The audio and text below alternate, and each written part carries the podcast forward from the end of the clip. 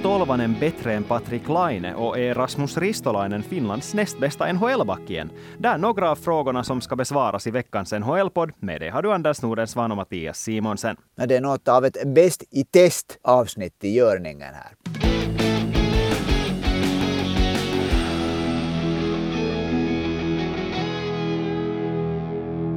Ja, det är ju knappast många NHL-vänner som har missat det faktum att Eli Tolvanen faktiskt fortsättningsvis är glödhet. Det var inte bara en sån där liten nu har jag bytt miljö, bytt klubb-effekt, utan han fortsätter att panga in mål. Totalt sett 32 matcher, 11 mål. Men om man tittar på bara hans tid i Seattle så 19 matcher och 9 fullträffar. Anders, vad ska vi tycka om Eli Tolvanens framfart just nu? Jag tycker det som vi ska tycka att vi ska vara glada för att man har ju vetat att Eli Tolvanen i princip har i sig en sån här spelare, en sån här liksom identitet vet att han är en... No, jag kan tycka, man, e-, efter det där målet som han gjorde här under helgen när han tog pucken och, och det där och sköt i krysset, tycker man kan kalla honom för en måltjuv. Så det, det är jätteroligt att se. Och det där, han är faktiskt sen första januari så är han Seattles bästa målskytt och det där och det är ju inte alls äh, så tokigt för Seattle är ett lag som är ganska bra. Mm, vi har ju talat redan lite om det här, att vad orsakerna är till att Eli Tolvanen faktiskt har fått att stämma. Och mycket som vi redan då senast diskuterade var att det handlar mycket om den här mentala sidan och det här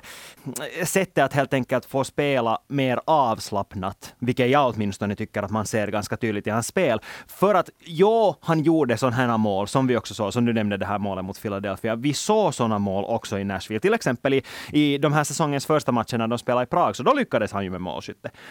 Men jag tycker inte att det liksom, man såg inte såna på löpande band i Nashville på samma sätt som man har gjort i Seattle. Det, det är så fruktansvärt roligt att se att han har hittat det där självförtroendet och att man blir påmind om hur fruktansvärt bra det där skottet är då han faktiskt spelar på sån här humör. Jag har en sån här teori och det där, nu har jag ju inte gjort ett enda NHL-mål någonsin och kommer inte att göra det heller. Nå, no, no, Anders, Anders, evigt ung. Men i mina drömmar har jag kanske gjort det, men det där, jag har på något sätt för mig att de här målskyttarna, de är lite, hur ska man säga, sitt eget släkte. Jag har för mig att en, en sån här skillnaden mellan en målskytt som lyckas och en målskytt som inte lyckas är ofta att när den här skytten som skjuter puckar i mål så han, hur ska vi säga, han vet att pucken är på väg i mål. Han ser den i mål redan före han skjuter. Och sen när det, här, sen när det börjar svikta lite det här det där självförtroendet så då tror jag att den här liksom tanken är liksom ändå, det kommer in lite den där att månne det här går i mål. Det är lite som det där, den som har sysslat med, med det där alpin åkning vet att den sekunden som man börjar tänka på att faller jag månne så faller man. Och det känns på något sätt så konstigt när man vet att hur de här målskyttarna tränar i dagens värld, hockeyvärld överlag, inte bara i NHL utan oavsett var du är. Så om du tränar på ditt målskytt så tar du ju tusentals skott varje år där du bara tränar på att sätta in de där puckarna från olika ställen så att du faktiskt får in dig i muskelminne att den där pucken ska hamna precis dit vart du vill. Men ändå att det finns liksom, att det är så små saker sist och slutligen som händer där inne i hjärnan när man börjar tvivla på sig själv. Att det, liksom, att det bara sen inte klaffar. Att det är liksom att oavsett hur mycket man tränar på det här muskelminnet så, så ger man ändå sig själv bara förutsättningar att sen när allt annat också faller på sin plats så sen kan man har börjat panga in puckar. Och det är ju uttryckligen det vad Elitolvanen gör just nu. Ja, jag tror det är svårt egentligen att överskatta betydelsen av den här liksom biten av att den här pucken går i mål. För att det finns mängder med spelare i NHL som har verkligt bra skott som i princip skulle kunna vara bra målgörare. Men sen är det den här lilla procenten, lilla delen som verkligen gör mål mycket. Då tycker jag, jag tycker att man måste liksom nog tänka att, att en målskytt ska nog vara en spelare som eh, skjuter eh, 30 mål per säsong om han får spela en hel säsong. Och det ska vi säga att dit har ju ännu Edi Tolvanen en, en, en god bit. Men inte har han en sån fruktansvärt lång bit dit kvar om han fortsätter att leverera på samma takt som han har gjort i Seattle. För igen, sett över hela säsongen, hans skottprocent är 17. Det är inte någon sån här omänsklig siffra med tanke på att vi talar om en NHL-spelare, en NHL-målskytt. Och att den här siffran, den här 17 procenten, är inte eh, på något sätt ohållbar med tanke på framtiden heller. Och just nu så leder det till att han har gjort nio mål på 19 matcher i Seattle. Och om han fortsätter i den här takten till exempel nästa säsong så är han ju närmare 40 mål än 30 mål. Det här älskar vi ju journalister alltid att göra, att man räknar med att när någonting lyckas nu så fortsätter det på det här viset. Det finns alltid en lika stor chans att det här är liksom en peak som just nu fungerar och sen kommer man igen ner därifrån. Men det, där, men det finns ju mycket som tyder nog på i Eli Tolvanens spelaridentitet. Han, ännu, han fyller 24 år här om ett par månader. Att han har den här liksom målskyttsidentiteten i sig och det bara gäller liksom att få den stabiliserad. Mm, men också, igen, om vi tittar över hela säsongen, så gjorde han också 13 matcher i Nashville där han bara gjorde två mål. Men hela säsongen, hela grundserien, så är hans snitt 0,34 mål per match. Också när man räknar in den där djupa dalen ur ett målskyttsperspektiv i Nashville. Och med den siffran så är han femte bäst av alla finländare i NHL just nu bara 0,03 mål per match bakom Patrik Laine. Det säger kanske någonting om det att finländarna inte har så hemskt många stora målskyttar. no, nu ska jag tycka att vi tar det här vi, vi vinklar det här positivt istället och säger att det finns ganska många andra som också är bra. Vi snackar om Mikko Rantanen som såklart är bäst just nu. Sebastian Aho som också har pangat in puckar den här säsongen. Roope Hintz som vi vet att har ett fast skott. Men nu kommer vi sen till den diskussionen som jag egentligen ville ta när jag började här snackar om Eli Tolvanen. Ska vi börja klassa Eli Tolvanen ovanför Patrik Laine när vi diskuterar de bästa målskyttarna i NHL just nu? De bästa finländska målskyttarna i NHL just nu. Då måste vi nog vara mycket så här punktmarkera det här nu-ögonblicket, för just nu för tillfället. Men om vi nu till exempel går så mycket ändå tillbaka, om vi tittar på den här säsongen, så då har ju äh, Patrik Laine skjutit 14 mål den här säsongen, medan då är det Tolvan tills vidare skjutit 11 Eri Tolvanen har under hela sin NHL-karriär, under alla de matcher som han har spelat i NHL, har han skjutit sammanlagt 35 mål. Patrik Laine sköt 36 mål under sin första säsong i NHL. Så det där, jag skulle nog ändå vara försiktig med att flytta Tolvanen liksom åtminstone mera än temporärt ovanför Laine. Men det är klart att för ett tillfälle så är Tolvanen vassare och hetare än Laine som ju också har dragits med skador och med säkert en ganska underlig stämning i laget för tillfället också. Eh, ja, men ändå. Men nu måste vi liksom komma fram till det att om vi nu till exempel skulle ta ut ett OS-lag just nu, eller ett World Cup-lag, så tidigare har ju Patrik Laine ändå, i och med att han har sitt farliga skott, varit ganska självskriven i en första kedja tillsammans med Alexander Barkov och Mikko Rantanen till exempel, eller bredvid Sebastian Ahote och Teräväinen, hur man nu pusslar om där.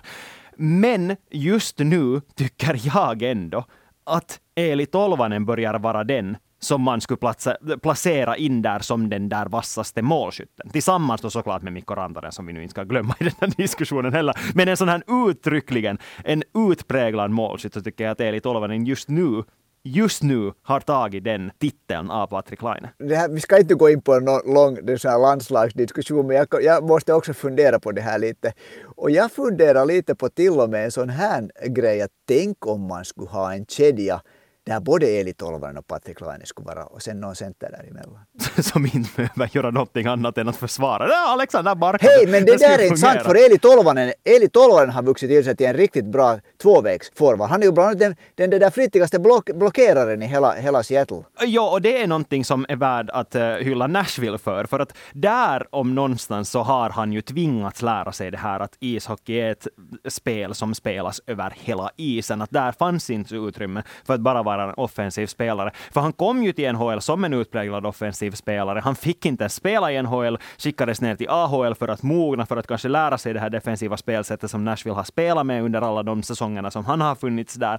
Och nu tar han ju de lärdomarna vidare till Seattle där det sen har börjat klaffa också offensivt sett. Så han är ju en mycket, en helhetsmässigt en väldigt bra spelare just nu, ska jag påstå, på en helt annan nivå än vad Patrik Laine till exempel är. Men jo, jag håller med dig att helt som du säger, att, att det går ju såklart inte helt att jämföra göra med tanke på att det ser ut som det gör i Columbus just nu. Jag skulle ändå, om vi ser lite om Eli Tolvanen, så jag, jag liksom tycker att de här sista månaderna i Nashville, kanske redan förra våren, så var han utpräglat en ansvarsfull spelare. Och då tyck, jag tycker vi till och med snackade om det här liksom ändå, att, det där, att han är ändå den där killen som han måste skjuta målen för att vara en NHL-spelare. Det där ansvarsfulla sådana spelare finns det sen hemskt, hemskt mycket av som är färdiga att uppoffra sig men nu tycks han då ha kunnat kombinera det här att han har fått tillbaka den där sin skärpa eller han har kanske till och med lyft den men han har inte tappat den här liksom den här äh, sandpappersbiten i sitt spel. Och det som är roligast med det här, tycker jag ändå, är det att det här är en sån diskussion som jag tror att ganska många såg framför sig när Eli Tolvanen hoppade över till NHL från KHL. För vi minns ju den där sensationella säsongen i Jokerit, i,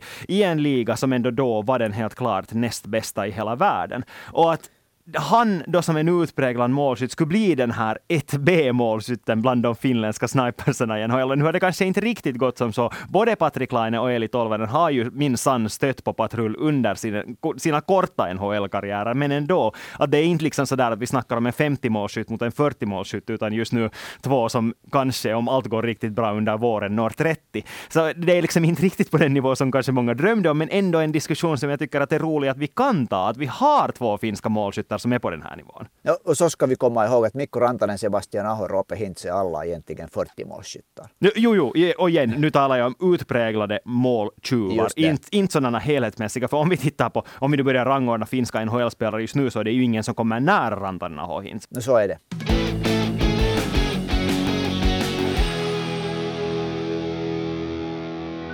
En annan spelare som har gjort väldigt bra ifrån sig den senaste tiden, som vi har sågat i podden tidigare också uttryckligen, en finsk spelare, så det är ju Rasmus Ristolainen. För om han då tidigare kunde vara en sån där som man... Eh, när man såg honom spela så skrapade man sig i skallen och undrade att hur hur har Rasmus Ristolainen någonsin varit så uppskattad som han har varit? Men nu börjar han ju igen visa att han faktiskt är det. Och vi har fått in ett påpekande om det här. Vi är inte de enda som kryper i korset den här podden. Också Rickard som tidigare skickade in och skrev att, uh, att han tyckte att Ristolainen var den sämsta spelaren i hela NHL. Så nu påpekar han att hej, att har vi märkt att han har blivit en, en riktig topp fyra-back i NHL efter att han skrev det? Och det stämmer ju.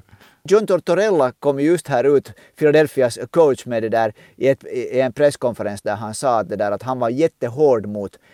Risto här i början av säsongen. Men nu är han den, som han sa, the, most improved player in our squad.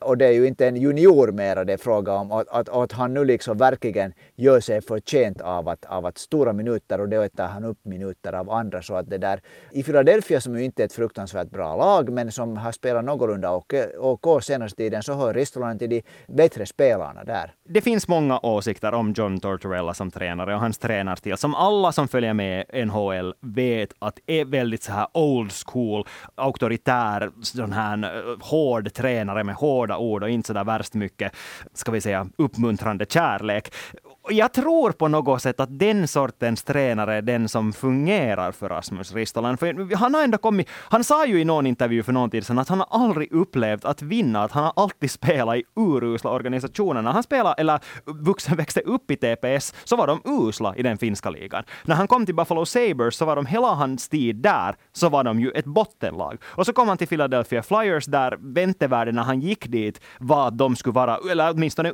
utmana om en slutspelsplats. Och så gick det ju fullständigt åt skogen och så har de varit usla också. Och att han aldrig riktigt har fått uppleva hur det är att vara i en vinnande organisation och aldrig kanske heller upplevt en sån tränare som John Tortorella är.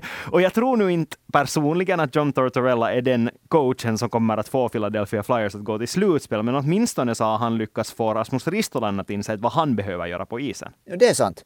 Ristolainen är säkert en sån spelare som han behöver på något sätt ähm, både lite liksom käpp och morot om man säger på det sättet. Att han är en spelare som, som om han får bara morot så tar hans vissa inbyggda självsäkerhet som är kanske lite större än vad han egentligen då kan prestera. Det behöver en NHL-spelare. Den tar liksom över. Men sen har han också tror jag lite en sån här tendens att han liksom deppar ner sig och, liksom, och, och det där och tycker att ingenting fungerar. Eh, det tror jag. Men det som jag också tror att spelar in här är det att jag tror att Ristolainen också, trots att hans kontraktsituation nu inte, ska vi säga superoptimal med tanke på att bli tradad, så tror jag också att han inser att han kan bli av intresse för andra slutspelsklara klubbar om han spelar tillräckligt bra. För ja, han har kontrakt ända till sommaren 2027. De flesta lagen brukar ju vara ute efter så kallade rentals, hyresspelare, legosoldater som man tar in bara för en vår när man jagar nästan Stanley Cup-pokalen och Rasmus Ristolainens genomsnittliga lön mot lönetak är 5,1 miljoner, som är ganska mycket och det kräver då om man har en så hög lön så kräver man ganska mycket av dig som spelare. Men samtidigt tror jag också att han hoppas på att någon skulle fatta att komma in och plocka honom för, och att han med bara toppa sin form just nu höjer på sina odds att göra det. Jag tycker det där är ett bra plock. Jag, jag, jag funderar lite i samma vägar faktiskt. För att det där, han är faktiskt den, han har, han har spelat tio säsonger i NHL utan en enda slutspelsplats. Och det måste nog börja vara ganska tyngande. Han har vunnit ett junior-VM men that's Han har avgjort ett junior-VM. Ja, han har avgjort ett junior-VM och det är hans höjdpunkt så här långt. Såklart det att han har förtjänat en stor mängd pengar. Men faktiskt, jag har funderat också på det där att är det någon lag som nu skulle kunna säga att hej, nu har den här killen hittat en sån här nivå och vi skulle ha en lucka för den här spelare. Och vet du att jag kommer att tänka på ett lag och fall nu inte av stolen. Men det var i tiderna åtminstone åtminstone så nära en trade att till och med det lagets äh, kapten äh, som heter Steven Stamkos i en match hade sagt åt, åt, åt, åt Ristolan att hej, att välkommen till oss snart. Och det blev sen ingen trade av det, det var några år sedan.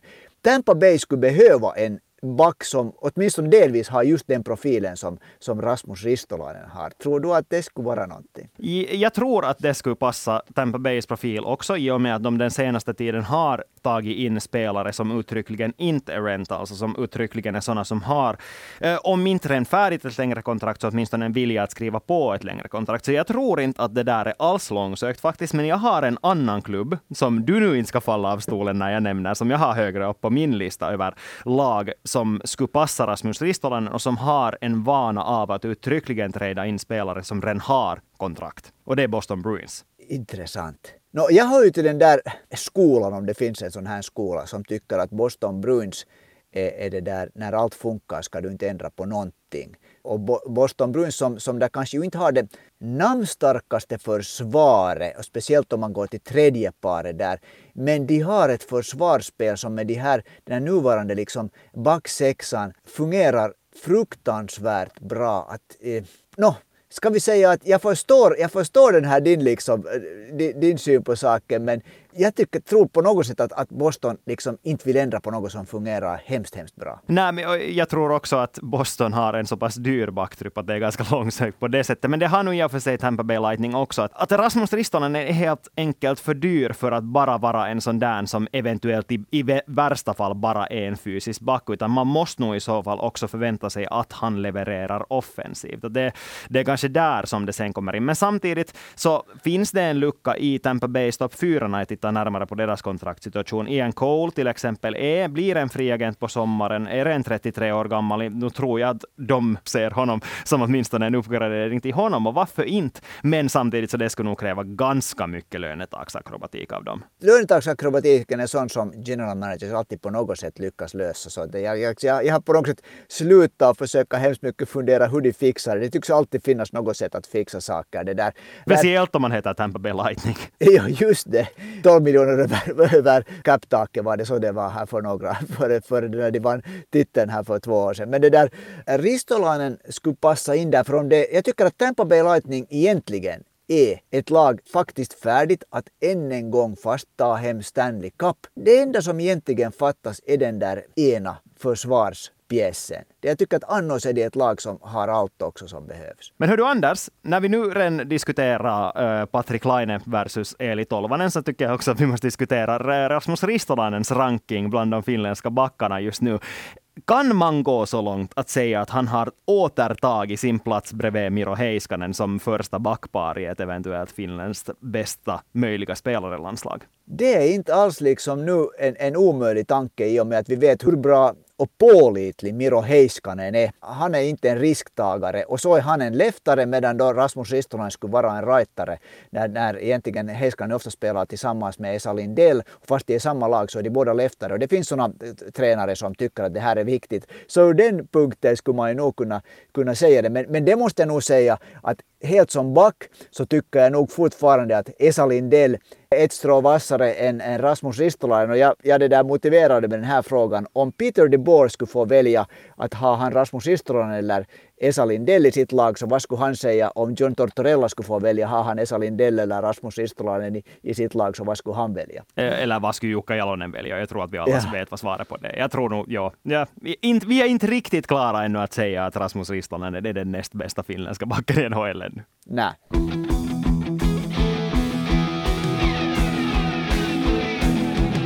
En annan aktuell finländsk NHL-back är såklart Niko Mikkola. Noah har skickat in en fråga. Tror vi att han kommer att bli mer synlig i New York Rangers, dit han alltså tradades i samband med den här traden, där eh, Vladimir Tarasenko såklart var det stora affischnamnet. Men Niko Mikkola också en del av Rangers just nu. Så vad tror vi? Kommer han att bli mer synlig? Jag tror att han kommer att ta en mycket specifik roll som på det sättet eh, blir större. Att han kommer att spela ett lag som plötsligt nu, eller inte, inte ens plötsligt, men som ännu mer nu hör till de större eh, det där Stanley Cup-favoriterna. Han kommer att spela i tredje paret och han kommer att ha en mycket klar roll där. I St. Louis har de lite mixtrat om med honom i olika par beroende på hur det har gått.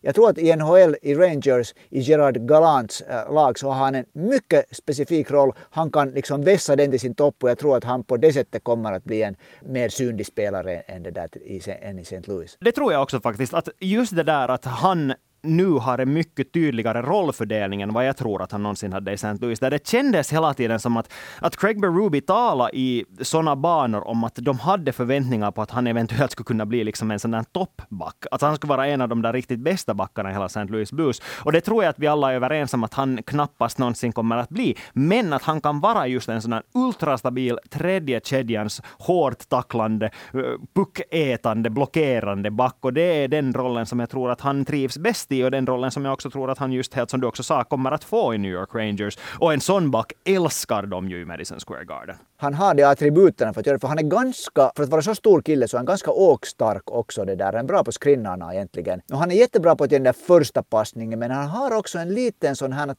han är inte rädd för att följa upp för det där anfallen. Mm, och det tror jag att kommer just från de där tiderna i St. Louis Blues där det kanske var jag, jag skulle inte vilja säga att det var otydligare, men jag tycker att det var lite mer rörigt om vilka backar som hör hemma var. de alla backarna som fanns i Blues var ganska likadana på något sätt. Att de var alla sådana storvuxna, ganska fyrkantiga på sitt sätt, men sen också sådana som förväntades bidra till spelet på ett annat sätt än vad jag tror att han förväntas göra i New York Rangers, där de ändå har en av de absolut bästa toppfyrorna i hela NHL just nu. Det har de nog. Rangers, no, vi kan gå in på det sen en annan gång, men Rangers som helhet är ju nog det där, ser nog starkt ut. Uh, nu har en annan fråga också, så vi måste fortsätta tala om New York Rangers. För han tycker, vad vi tycker vi om Tarasenko då, den traden? Om vi fokuserar på honom och inte Niko Mikkola, som man kanske i Finland vill lyfta fram som att hej, hej, Mikkola får till New York Rangers. Så nu var det ändå det stora där att Tarasenko flyttade dit. De ville ha en målskytt dit och då var det ju många som ville ha Patrick Kane till New York Rangers från Chicago. Patrick Kane ville antagligen själv också till New York Rangers, åtminstone baserat på sina lite sura kommentarer efter Tarasenkos äh, trade. Inte, bara, där... inte bara så lite sura sura kommentarer. Han sa ju nu, för, för de som inte har sett det, så sa han att han blev inte superglad när han såg den här nyheten, för han hade tydligen tänkt sig att Rangers var ett ställe dit han skulle ha kunnat flytta. Men då kan man ju nog, om vi nu tar det snabbt, för om han nu var så där inställd på att fara till Rangers, och om det stämmer det här att det bara hängde på att han inte ännu hade gett grönt ljus för Chicago att träda honom, så nu måste du ju själv, herregud, inse att det är på ditt ansvar att ge klubbledningen då tillstånd att träda dig och säga att hej, jag vill till Rangers, fixa mig dit. För Rangers var ju pressade att fixa in en målskytt uppenbarligen. Så då valde de ju en som de visste att fanns tillgänglig och det var Tarasenko. Ja, och Tarasenko är det där nog No, han har en bra kemi, han, eh, eh, ett bra förhållande till Artemi Panarin. Det ser ut som vi skulle spela i samma kedja. Å andra sidan så Artemi Panarin skulle också fungera ganska bra ihop antagligen med Patrick Kane som de spelade tillsammans med i Chicago. Men det där, eh, för ett svar på frågan så det där, Tarasenko var definitivt en bit som New York Rangers behövde och jag tror att han kan sköta just den biten med all ära. Mm, och uttryckligen den där kemin med Artemi Panarin är någonting som är så otroligt viktigt för Rangers. För det var ju någonting som de försökte få till med framförallt Vitali Kravtsov som inte alls har platsat i Rangers-truppen och som inte alls har fått till det där. Och han var ju en sån där som man såg som... De, de gjorde ju jättemycket tillsammans utanför isen också med Artemi Panarin för att de ville att de skulle hitta den där kemin med varandra. De tänkte att de här två ryska spelarna kommer att vara viktiga för oss när slutspelet kommer. Och det blev ju inte så. Artemi Panarin har kanske aldrig riktigt hittat det där radarparet på det sättet i Rangers, på samma sätt som Zibanejad och Chris Kreider har varit tidigare. Och nu är det ju så att de spelar mellan, eller de spelar som yttrar till Mika Zibanejad. Och att då Panarin och Tarasenko, åtminstone på basis av de här första matcherna, hittar varandra så där bra som de gör, så oj, oj, det kommer nog att bli farligt i slutspel. Ja, det, och det, det tar ju alltid en liten, det är ofta så att det blir ju först en sån här effekt att när en ny spelare kommer in, så det där kan det bli en sån att, att det ser jättebra ut i några matcher med några spelare och sen kommer på något sätt äh, vardagen emot och de motståndarna har på något sätt scoutat det. Men, men det ska bli intressant att se, jag skulle säga att vi kommer säkert att se ännu inom februari månad att är det här liksom ett, ett, ett på ett sätt ett, ett radarpar och just med Zibanejad mellan, är det den nya liksom utpräglade första resultatkedjan i, i Rangers? Nej, men alltså, på pappret så är det ju så himla logiskt att det fungerar, för det är ju det där klassiska att Panarin är den här spelfördelaren, den där konstnären med sina passningar och Tarasenko sen den där som kan panga in pucken varifrån som helst. Sen har man en Mika Zibanejad där som center som bara är en jätte, jättebra center på alla sätt och vis.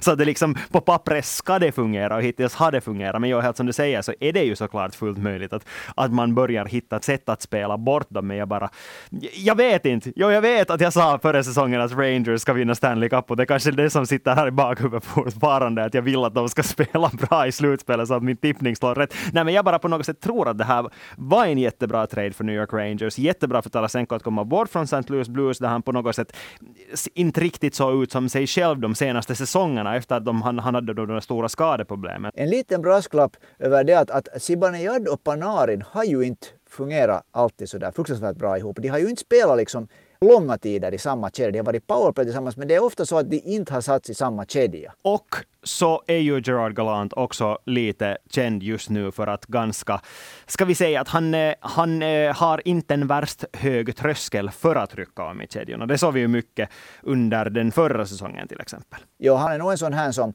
med fingertoppskänsla att han inom en match också, han, om han tycker att en spelare inte nu liksom lever upp till det vad den ska göra, så ändrar han, ändrar han det där eh, senast i andra perioden på, på, på de där uppställningarna. Rickard har en sista fråga, och på tal om Patrick Kane, som vi snackade om här lite tidigare. Kommer han nu att hamna i Dallas eller Carolina?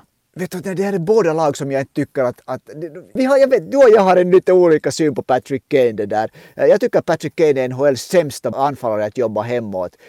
Jag tycker att både Dallas och Carolina är sådana det där lag som inte vill ha sådana anfallare. Jag tror däremot att Carolina kan känna sig så desperata efter att Pacioretty skadade sig och att om Patrick Kane kommer att finnas på marknaden så tror jag nästan att de åtminstone kommer att utforska möjligheten. Jag tror inte...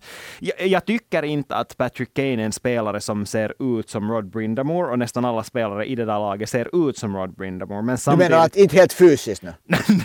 jag menar mer sådär spelstilsmässigt. Att man ska just vara en sån där som är villig att jobba hemåt också. Det är ju ändå Patrick Kane. Han må vara en bra spelare, men jag måste hålla med dig också om att han inte nödvändigtvis är den som jobbar mest hemåt.